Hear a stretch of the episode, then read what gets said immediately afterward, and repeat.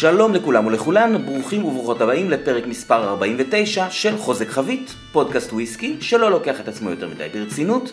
ועכשיו, אה, אחרי ששמעתם פרק רק אתמול, או אני הקלטתי פרק רק אתמול, אני ישר עובר לאנגלית כי יש לי אורח מכובד, ואני אתחיל מחדש, so I'm starting in English uh, all over.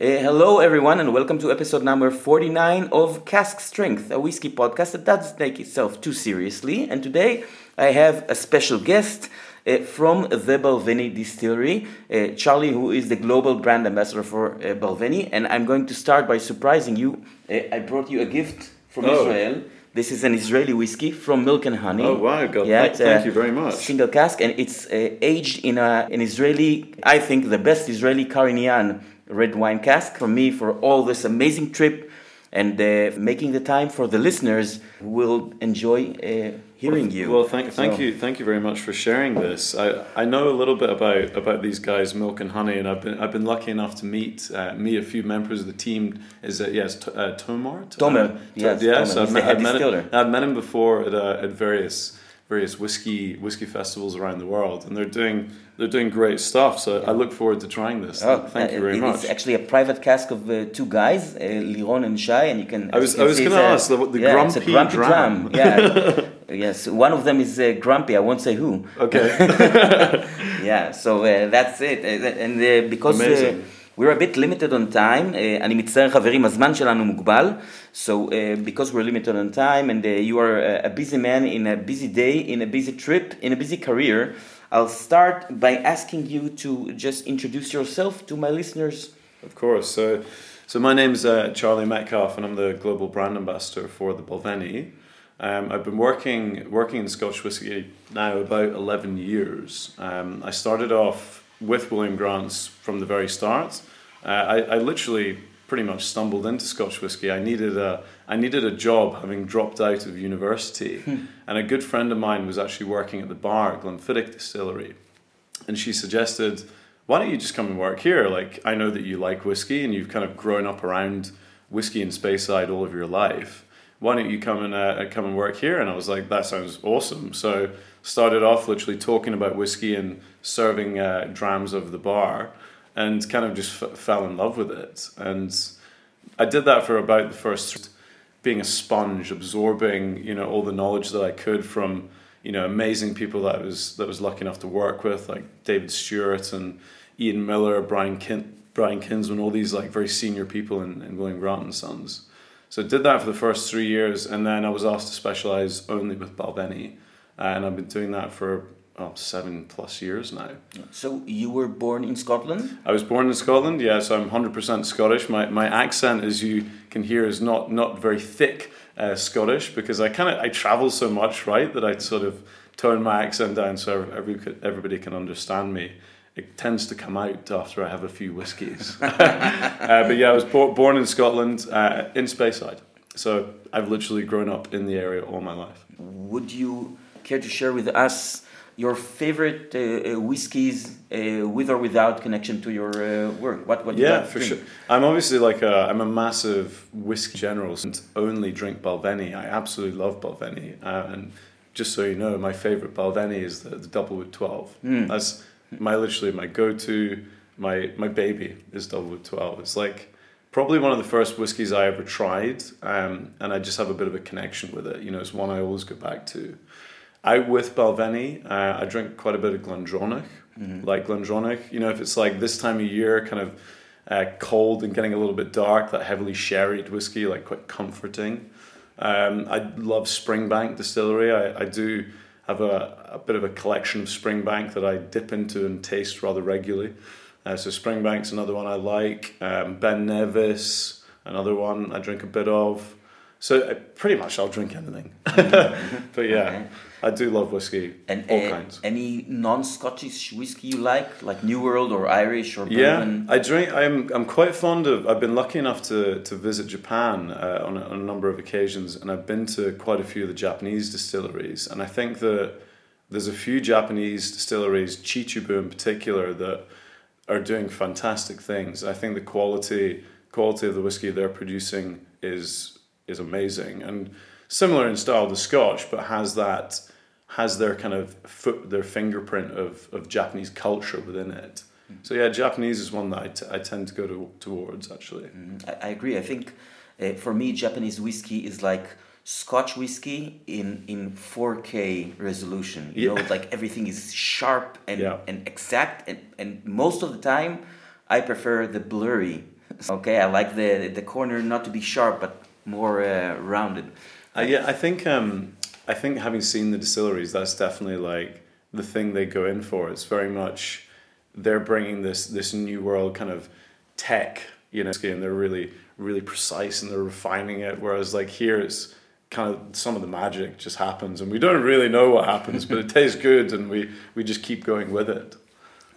So you are with Balvenie for seven years, and Yeah. what kind of different roles did you? Uh, Yeah, so I started off my, my journey at, at our home at the distillery. Um, so I was distillery ambassador there for, for pretty much the entirety of that, that seven years. So that involved greeting people at the distillery, um, doing taking the tours around the distillery, having uh, trade clients coming over. So if that whether that's bars or uh, retailers that are buying our, our whiskey from around the world, other other industry specialists. You know, I greet absolutely everyone. Master distillers. I think that's maybe where I met uh, Tomar first, actually, at at Balvenie. I, I had a had him on a visit one time, actually. I think. So yeah, I, d- I did that for pretty much the full the full seven years, and then the the global role uh, became available because my my colleague Gemma Patterson uh, is off on maternity leave. So I was asked whether I'd be interested in, in taking the role, and I jumped at the the possibilities. So I've been doing that for approaching a year now. So se- seven years at the distillery as as distillery ambassador, and now now global for one year. So, what would be the main uh, uh, difference between those two roles? I mean, do you travel a lot more now? You meet more Yeah. people. Yeah, de- definitely. I mean, I was traveling a little bit with the with the distillery role. So sometimes uh, some markets would be like, "We want you to come out and really focus on the, the the nerdy nerdy of the distillery and talk talk whiskey clubs through the process of, of how we make Balvenie." So sometimes I, I did a bit of traveling, but it was mostly distillery based, which I which I loved. Um, but now with this global role, there is there's a lot more traveling. I'm, I'm traveling to all corners uh, of the world, talking to people about about Balvenie. How many markets sell Balvenie? Oh god, pretty much pretty much all the key the key whiskey markets in the world. I don't know the specific number. That's actually quite interesting. Um, but yeah, it would be like thirty plus. You know, like it's a big number. It's a big number. Well, I guess there are places that uh, get Glenfiddich and, Mhm. and the, the blends for the Yes. company, but don't get Balvenie. That's that's true. Yeah, that is true because they they simply have you know mu- much larger uh, amounts of liquid available to them to, to put into a bottle. Balvenie, you know, as, as you know, we, we don't we're not a huge distillery. We, we produce about seven million liters a year, which is reasonably big. It's kind of middle to upper quadrant uh, in distillery size in Scotland, but you know, it takes time to mature the whiskies to a level that we're, we're happy with and age that we're happy with. So, you know, we- we're getting there. There's markets such as such as Israel uh, that we've been talking a bit about that need more Balvenie, uh, and we're working hard to, to kind of get more whiskey available for you soon. And how much? Uh, well, this let's say th- I haven't heard it from you. It's just something that came up yesterday uh, at dinner, um, and I heard that there's like a big portion of Balvenie uh, sold on contract to blenders. That like the, the, these contracts are are ending soon. And there will be much more Balvenie available. And also, if I might add to this question, uh, how does Ailsa Bay um, contribute to your uh, ability to sell more Balvenie as a single malt? So, completely linked those two parts. So, on the contract, I don't know who told you that about the contract blending. Hmm, I won't- it's I not, won't tell you. To be honest, it's it's not true. Um, we we had obviously Balvenie with within the company um, that we were allocating for blending up until up until fairly recently. Like I mean, I'd say probably for the last six, seven, eight years, Balvenie has been pretty much exclusively hundred percent for single malt use. So before that, we were dipping into the stock on and off for, for blending purposes, whether that be for for our blends such as Grants or Monkey Shoulder, and potentially maybe trading a little bit with our um, our friends out in the, the whiskey industry. You know, trading spur with Diageo or Chivas uh, to get usually peated whiskey. Yeah, because we didn't have it. With Ailsa Bay coming online, we were able to to pretty much bring the trading down a little bit because we had this peated whiskey coming through from our own facility uh, at Ailsa Bay, and that obviously allowed us to, to keep more Balvenie back for a single malt use. That's so uh, Grant family to get another um, ability yeah. and become more and more independent. That like that that's their stories. The Abs- absolutely, you know, it's well take take Girvan, you know, for for example, the largest largest grain distillery in in Scotland you know, when Charles Gordon went out to, to open Girvan, he saw he saw demand there, and he needed he wanted grain spirit for, for his blends, but he thought, well, let's make a lot of it, and we can provide we can provide that to our to our friends out in the industry, and we can trade, and it gives us it gives us other options. So, actually, in common days, uh, uh, monkey shoulder or grants, mm-hmm. uh, we have no liquid from Balvenie at all, or just just a bit? No, no liquid from Balvenie uh, in in either of them uh, now. So Monkey Shoulder, giving away all the secrets here, mm. but Mon- Monkey Shoulder, we do pull whiskey from distilleries that we we own. So whether that be potentially Kininvie Distillery that is uh, situated just beside Balvenie, um, or we're we're bringing in friends malts from Speyside. So we're trading uh, Speyside style malts and blending those into Monkey Shoulder. So malts of a kind of similar style to Balvenie or Glenfiddich that used to be in there, and we've now kind of phased that out because we want to use those for single malt. So is that all these things you said are the reason why we see more and more new Balvenies like the stories and like the new uh, travel retail 15 18 it's it's a little some of some of that is, is true yeah so we we see a lot more Balvenie now at around 12, 13, a little bit coming through at 14, because that's in line with when we expanded the distillery. So we did a distillery expansion uh, 12 years ago, and now that whiskey is coming coming through mature in cask. So those volumes have grown slightly. So you're seeing more Balvenie out in the world at the younger ages. Obviously, the older stuff we are still extremely tight uh, on on stock because we're very lucky that Balvenie is being screamed out for all over the world, uh, but we, we simply you know need to spend more time maturing the whiskey to, to fulfill this demand. If I can ask, what was the, the expansion about? Uh, what what did you? There are no new stills, right? There there was new stills put in put in then. Really? Uh, yes, yeah, there, there was. So a little bit of a distillery. Um, mix up. So we cha- we changed stuff around, changed the configuration of the still house very slightly, so we could get get some stills in there and just up the volume.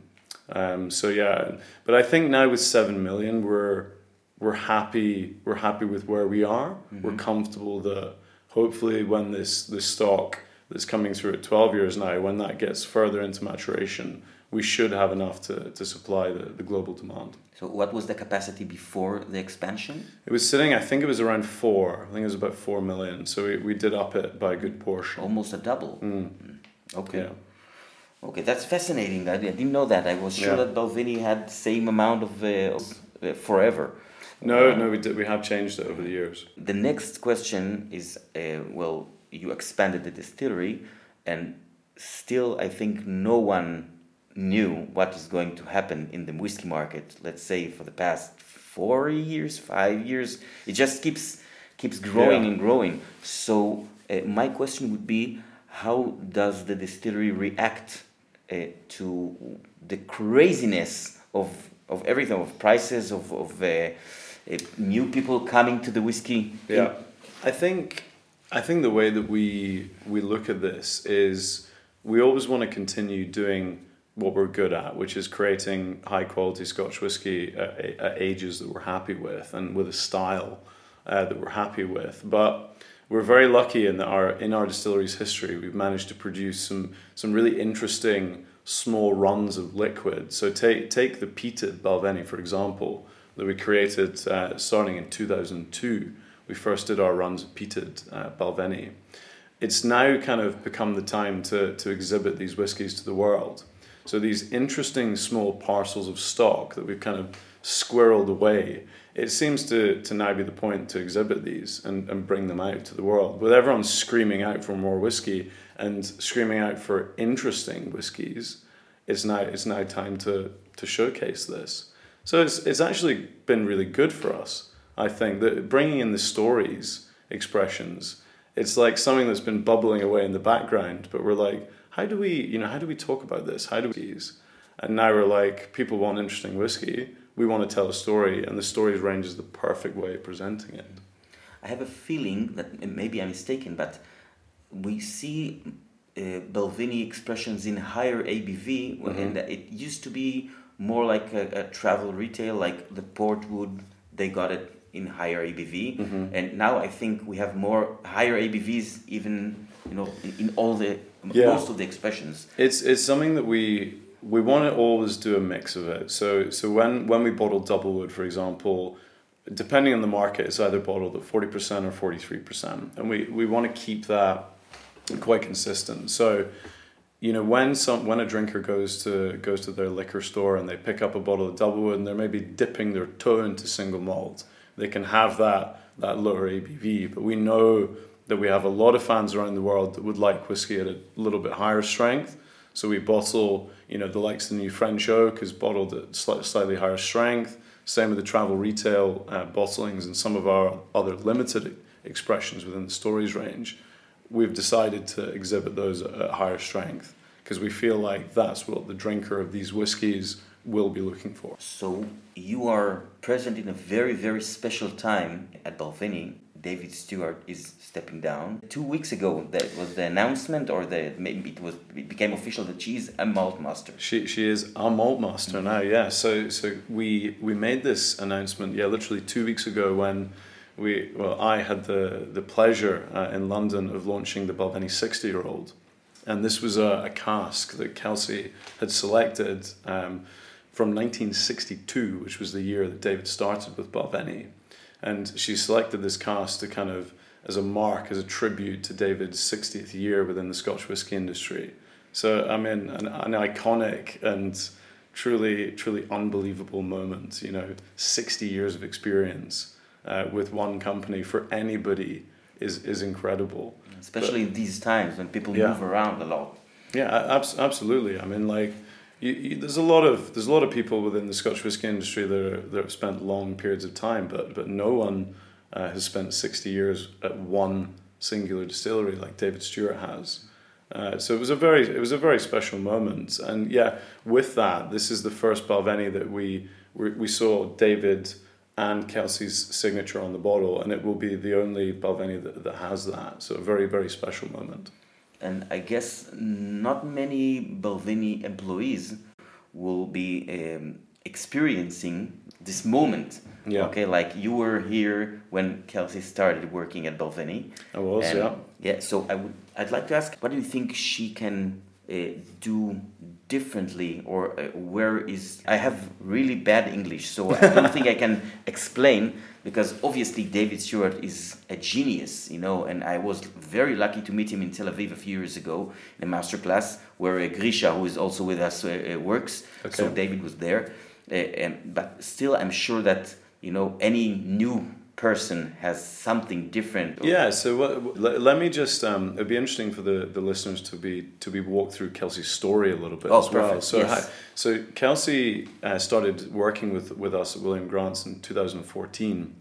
So she started uh, on the graduate program in 2014 and was uh, coming from a brewing and distilling background. So she did the the brewing and distilling course at Heriot Watt University, and that's that's kind of seen is the course you go to uni if you really want to be in the the distilling side of, of alcohol, particularly Scotch whisky, this is the course to do.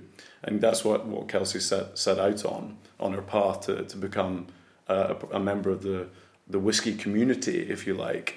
So she did that course, started with us as a graduate in 2014. And it, it became kind of obvious to us within the first few years of Kelsey's career that she was very talented and she was also very good at the nosing and tasting aspect of, of Scotch. So in 2016, um, Brian Kinsman and David came together and had a bit of a discussion whether Kelsey should be brought on as, as David's second apprentice. Because uh, Brian was obviously David's first apprentice. And the decision was taken that Kelsey was, uh, was this candidate. So she, she started working alongside David every single day, learning you know years and years of Balvenie's history in liquid, uh, you know taking in all that through the nose, through the palate, and she she's learned very quickly. And now we're in 2022, and she she has become a malt master. So it's been a a quick rise to fame uh, for Kelsey, but she she is so so talented, and we are we are in good hands. Kelsey is going to take Balvenie forward in a in a very very special way.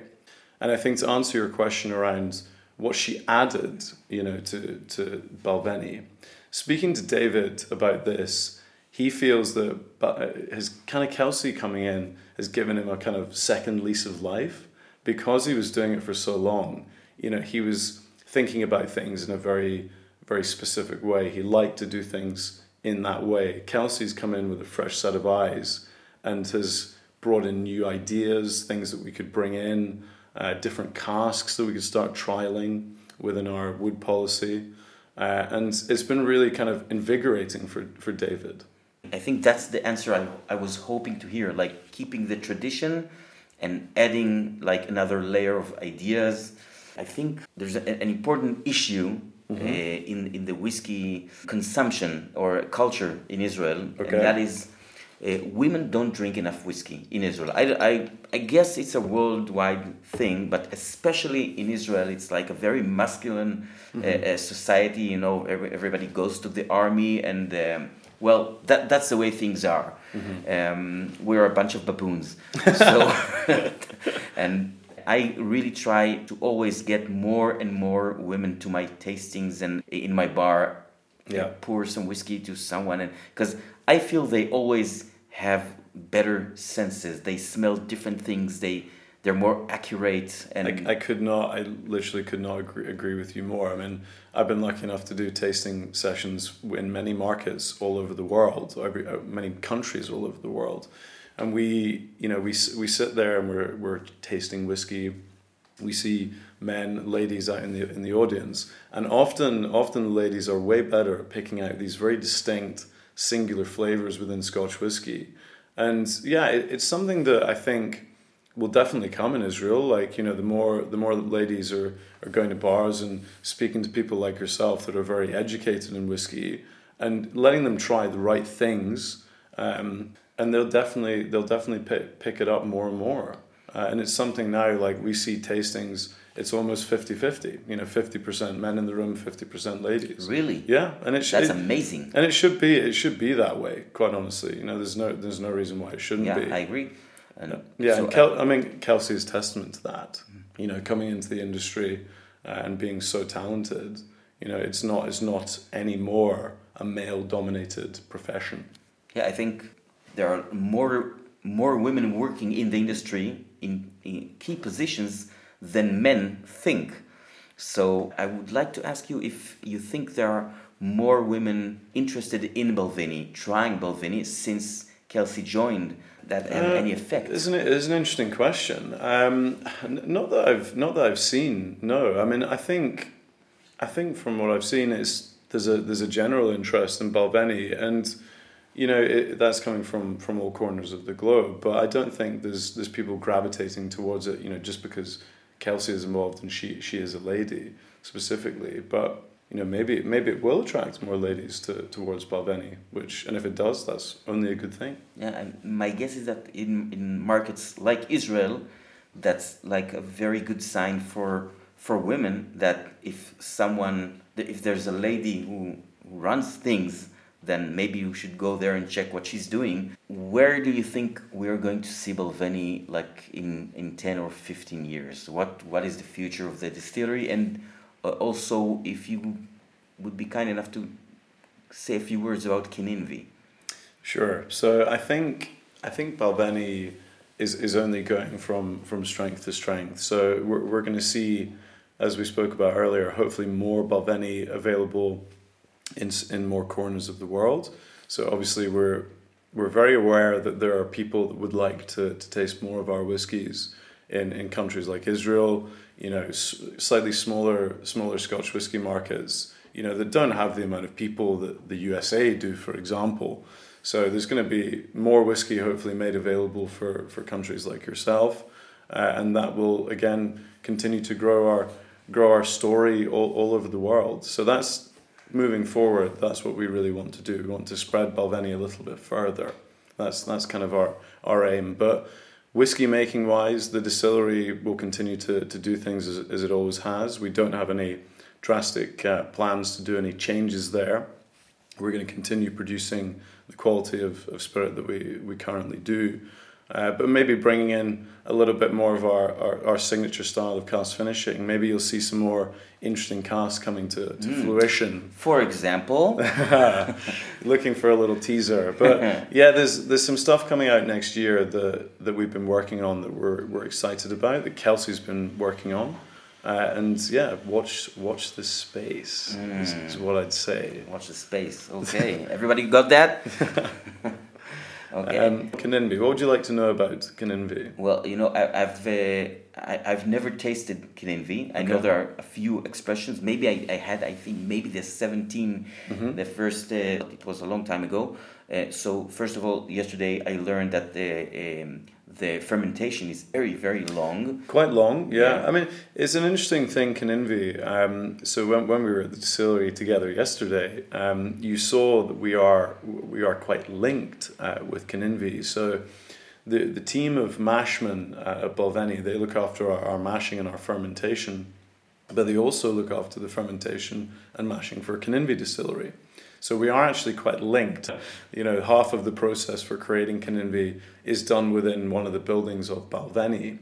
And all of that, that beautiful 80 hour fermented wash is then piped down about 100 meters to the, the still house at Kininvie and it, will be distilled there in a separate separate little uh, facility. So Kininvie is split up, which is actually rather rather unusual any facts that you can share with us about Kininvie? Because I know it's quite a secret. Uh, like it's it's not something that William Grant and Sons are talking about, like a, uh, yeah. the capacity or how yeah, many stills or it's whatever. it's something it's something that we. I don't know if we've ever like set out for it to be very secret, but it sort of it sort of always has been. um, yeah, so Kininvie because we've used it for blending for, for so many years, it was created in 1990. The distillery was opened in 1990 uh, with an intention to use most of the whiskey for, for our blends. And it was born in a very interesting time. The, you know, I'm sure the listeners know 1990 and the 80s was not a great time for Scotch whiskey. You know, no, no one was really thinking about opening a distillery. But with, with the family, and their, their forward thinking. Press on. Now, Scotch whisky will come back. And they opened Kininvie, and now we have this beautiful secret, as you call it, mm. uh, distillery sitting down from Balvenie, which produces normally at, at, a push produces around four four and a half million liters uh, of alcohol. So it's a pretty pretty large distillery. The style that we we look for in Kininvie is, is a very floral style whiskey so much lighter uh, in style than Balvenie. Balvenie is a kind of uh, sweeter, honeyed style of new make spirit, whereas Kininvie we want a light floral style. So the 17 year old uh, that you tasted was was a bottle for travel retail. There's only other there's only been two other official bottlings ever. So a 23 year old and a 25. And the 25 was the first ever drops that were distilled off the stills for Kininvie in 1990 we bottled some of the, the parcel of casks from that first distillation. So, are there any plans for us to see Kininvie as a single malt? There are. There are. there, okay. there are. So we're, we're working we're working on a little bit of a uh, a proposition for for Kininvie at the moment because uh, we you know people are screaming out for it. Pe- people know about it and people are interested in tasting uh, this this mystery mm-hmm. that is uh, that is Kininvie. So we're, we're we're we're conscious of that, and yeah, we're hopefully going to be exhibiting more single malt Kininvie to the world mm-hmm. quite soon. It's it's a tricky one though because because we've pulled from the stock for blending, we have little gaps. You know, it's, we've done quite a lot of experimentation with um, like triple distillation. We've done uh, we've done rye runs through Kininvie Distillery. So we have these interesting parcels of stock as well, which you know they, they can be exhibited at some point, but who knows when. As a, as a brand ambassador, are you a part of, of decision making or are, are you uh, aware of the processes or you just get, uh, I know, this is the plan, mm-hmm. that's what you have to do, okay? Like, we're, we're very, I, I know the question you're, you're, you're getting at, like, you know, how much, how much input do we actually have into, into the creation of, of yeah. these whiskies? Because uh, uh, as, as far as I see, you, you get the feedback from people, so you have to have some yeah. impact back. Yeah, for sure. So it's made for consumption. It's not made just to be made. Exactly, exactly. So we yeah we, we definitely have a we definitely have an input, and I think with William Grant and Sons, our, our brand ambassador uh, team across across all of all of the, the the beautiful distilleries that we represent, we're very lucky in that we do have an input into into what goes on. So if we if we have an idea uh, for example, a cask finish, you know, something that we want to we want to bring in, uh, then we have the, the the availability and the autonomy to be able to put that idea forward, and it will be taken on board. Um, the French oak, for example, the 16-year-old French oak was a cask that was discovered by a member of the Balvenie brand ambassador team. Oh, really? And that is now a whiskey that we bottle. You know, it, it literally Lorne Cousin is the name of the chap that, that discovered Pineau des Charentes on his holidays in in uh, in France, and he was literally tasting it with his family, sitting there thinking, "I think David Stewart would like this," and he literally bought some bottles of it and presented it to David as, as a present, and David was like, "This is delicious. Maybe we should try out some Pineau des Charentes casks." So this idea came from within the the brand ambassador team.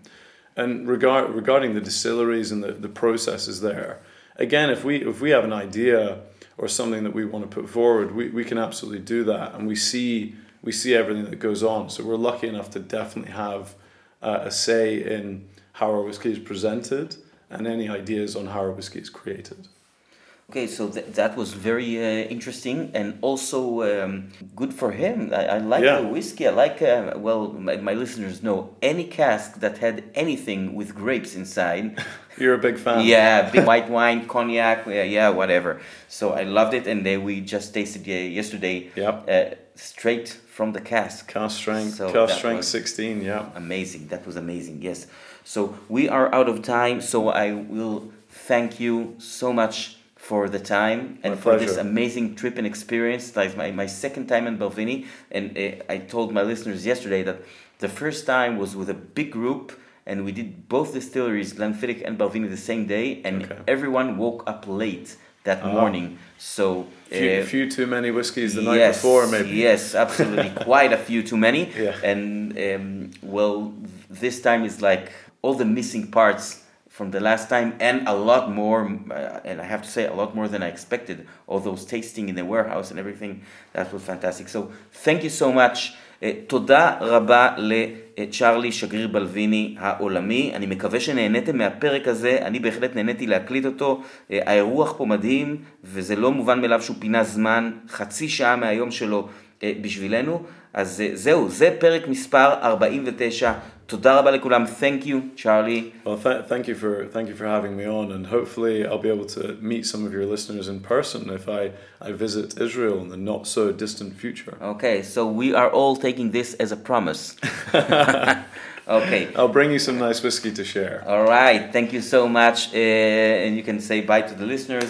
Bye bye, everybody, and uh, hope hope to see you all soon. Thank you for listening. Okay. תודה רבה. Bye.